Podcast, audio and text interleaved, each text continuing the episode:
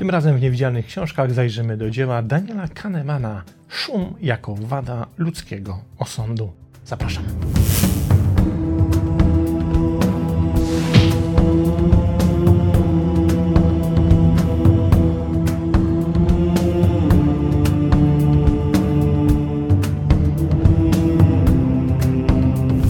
Jak zwykle zaczniemy od przyjrzenia się temu, kim jest autor, a właściwie autorzy książki, bo jest ich kilku. Ale głównym autorem jest Daniel Kahneman. Tego pana chyba nie trzeba większości z was przedstawiać. W końcu noblista. Ale przeczytajmy. Daniel Kahneman jest emerytowanym profesorem psychologii na Uniwersytecie Princeton oraz laureatem Nagrody Nobla w dziedzinie nauk ekonomicznych w 2002 roku oraz prezydenckiego Medalu Wolności w 2013 roku. Jest również autorem bestsellera New York Timesa Thinking Fast and Slow. Jeśli nie znacie tej książki, to gorąco polecam. Mieszka w Nowym Jorku. Ale oprócz pana Kahnemana, książka ma jeszcze dwóch autorów. Pierwszym z nich jest Olivier Sibony, profesor na Uniwersytecie Oksfordzkim oraz na paryskim Uniwersytecie Nauki i Literatury. Innymi autor bestsellera You're About to Make a Terrible Mistake, mieszkający na stałe w Paryżu. Drugim, a właściwie trzecim autorem jest Cass Sustain, profesor Harvarda, gdzie jest założycielem i dyrektorem programu ekonomii behawioralnej i polityki publicznej oraz autorem wielu artykułów i książek, w tym dwóch bestsellerów również New York Timesa Świat według Gwiezdnych Wojen oraz książki Nudge. No i mamy książkę Daniela Kahnemana, której siłą rzeczy nie może być w Polsce, dlatego że książka ta pochodzi z maja 2021 roku, ale miejmy nadzieję, że ktoś z polskich wydawców zainteresuje się nią na tyle, by ją w Polsce wydać.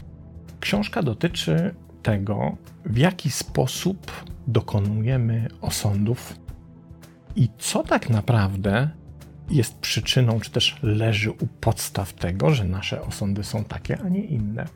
I tutaj nasz pan noblista przekonuje, że bardzo wiele rzeczy mających wpływ na to, w jaki sposób sądzimy coś o kimś lub o czymś, umyka naszej świadomości, czyli nie jesteśmy świadomi tego, z czego te nasze osądy powstają. Przeczytajmy pierwszy fragment. Błąd systematyczny, być może systemowy i szum, czyli systematyczne odchylenie i losowe rozproszenie to różne składniki błędu popełnianych przez nas osądów. Aby zrozumieć nasze błędne oceny, musimy zrozumieć zarówno stronniczość, jak i szum.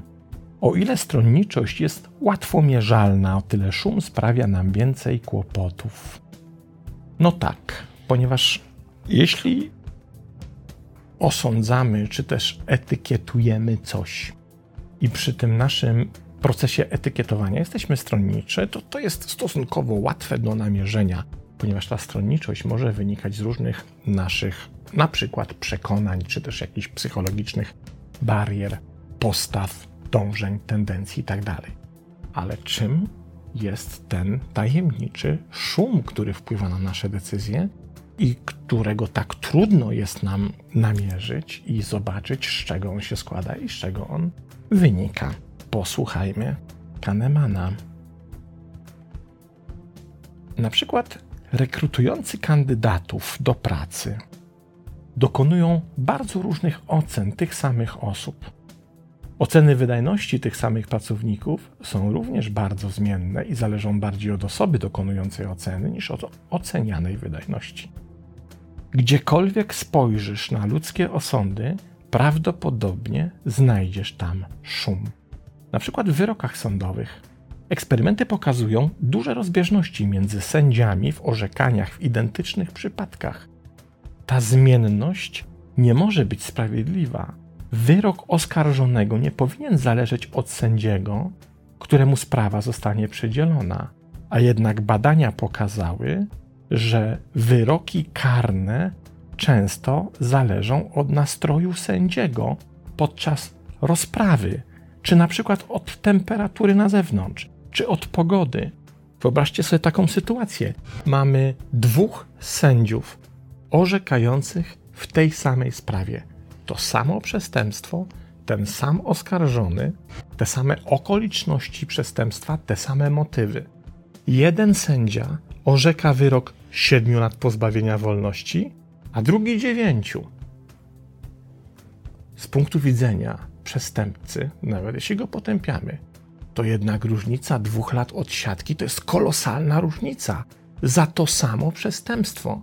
A okazuje się, że sposób orzekania, czy też motywacja orzecznicza, jeśli tak możemy powiedzieć, zależy od niewidzialnego szumu, któremu poddany jest sędzia. Wyobraźmy sobie prosty przykład. Oto sędzia jedzie rano do pracy, do sądu samochodem i na skrzyżowaniu wydarza się coś dziwnego. Ktoś mu pokazał fakofa, ktoś mu pogroził, ktoś go ochrzanił. Sędzia jest wkurzony, przychodzi na salę rozpraw i nagle wydaje inny wyrok w tej samej sprawie. Czy to możliwe? Wydawałoby się, no tak, teoretycznie możliwe, ale w praktyce tak nie powinno być. A badania pokazują, na które powołuje się Kahneman, że tak jest bardzo, bardzo często. Ale orzecznictwo sądowe to jedynie wierzchołek góry lodowej. Posłuchajmy dalej. A co powiemy na szum w przypadku likwidatorów szkód w towarzystwach ubezpieczeniowych? Jesteśmy zależni, to są cytaty z szefów takich towarzystw, od jakości profesjonalnych osądów dokonywanych przez likwidatorów szkód i innych. Każdą sprawę przypisujemy jednemu ekspertowi, ale wychodzimy z błędnego założenia, że inny biegły wydałby podobny wyrok. Szum w systemie ocen ubezpieczeniowych jest pięć razy większy niż myśleliśmy do tej pory. To poważny problem i kosztuje nas setki milionów dolarów. Przełóżmy to teraz na nasze życie. Oto znowu przykład samochodowy. Jedziesz samochodem i masz stłuczkę, jakieś zderzenie, nie z Twojej winy.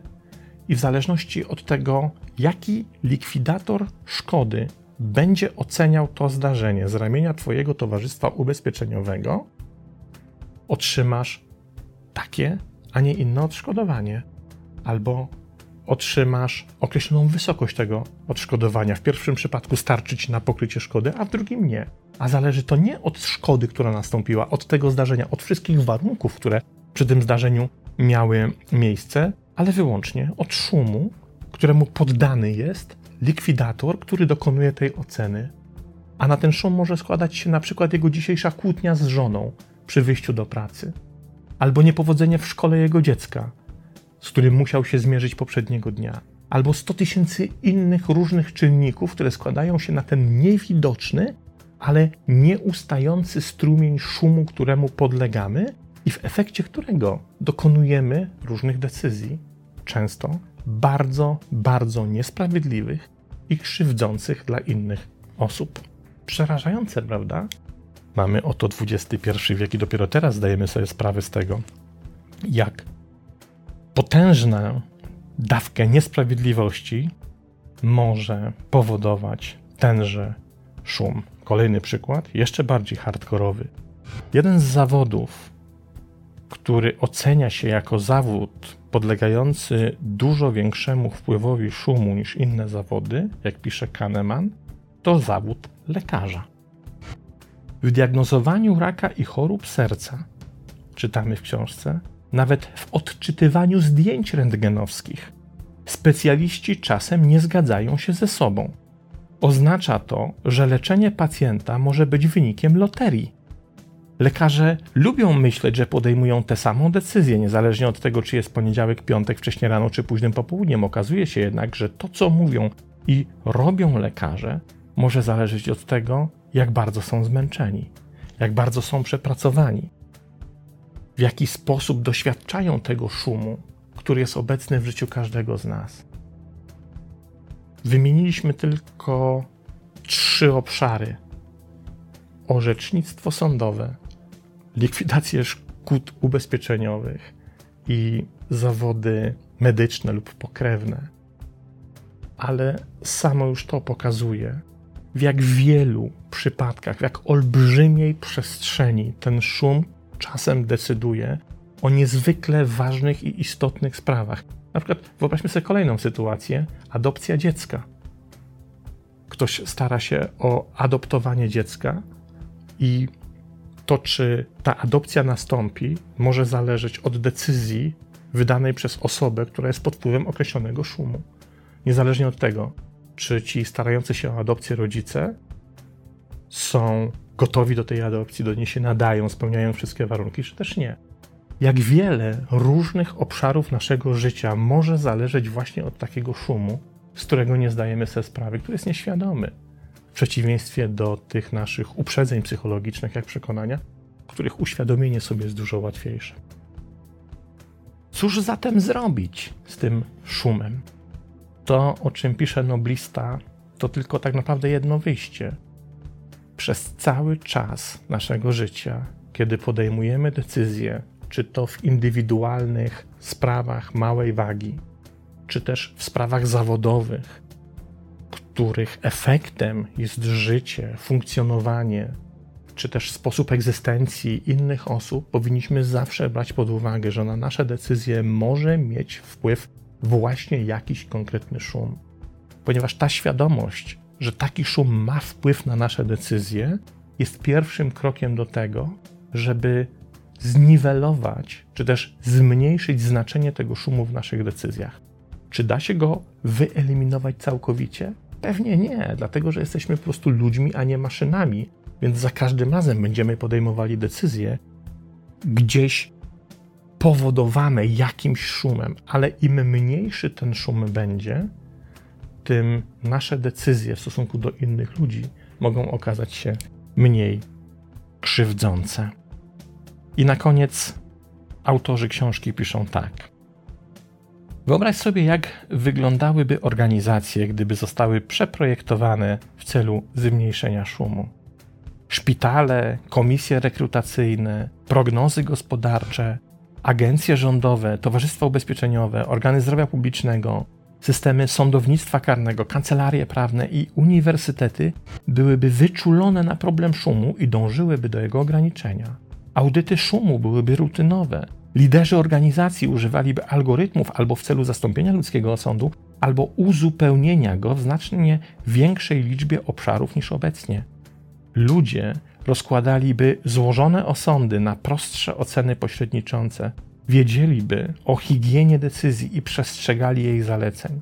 Spotkania wyglądałyby zupełnie inaczej, dyskusje byłyby bardziej zorganizowane, spojrzenie z zewnątrz byłoby bardziej systematycznie włączane do procesu decyzyjnego.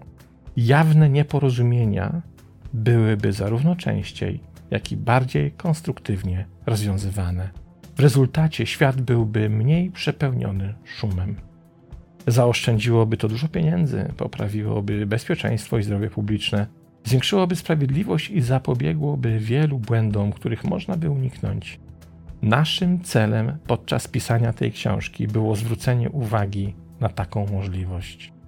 Mamy nadzieję, że znajdziesz się wśród tych, którzy z niej skorzystają. Niesamowita książka i niesamowici autorzy z niesamowitymi wnioskami.